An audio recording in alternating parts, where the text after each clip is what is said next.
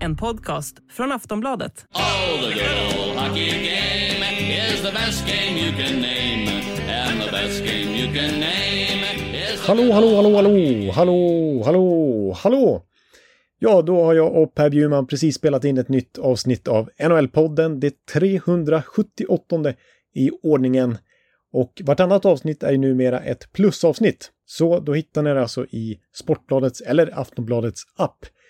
Och numera finns ju även samtliga NHL-podden-avsnitt i podmi appen eh, där ett månadsabonnemang kostar 79 kronor och ett helt gäng andra poddar också ingår då förstås.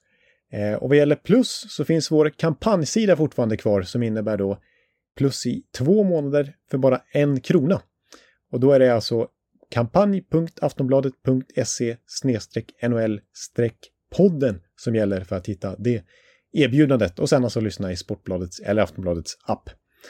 Men eh, vad har vi pratat om den här veckan då? Ja, det är klart vi har snackat upp konferensfinalerna som i Colorados och Edmontons fall redan har brakat igång när vi spelar in det här.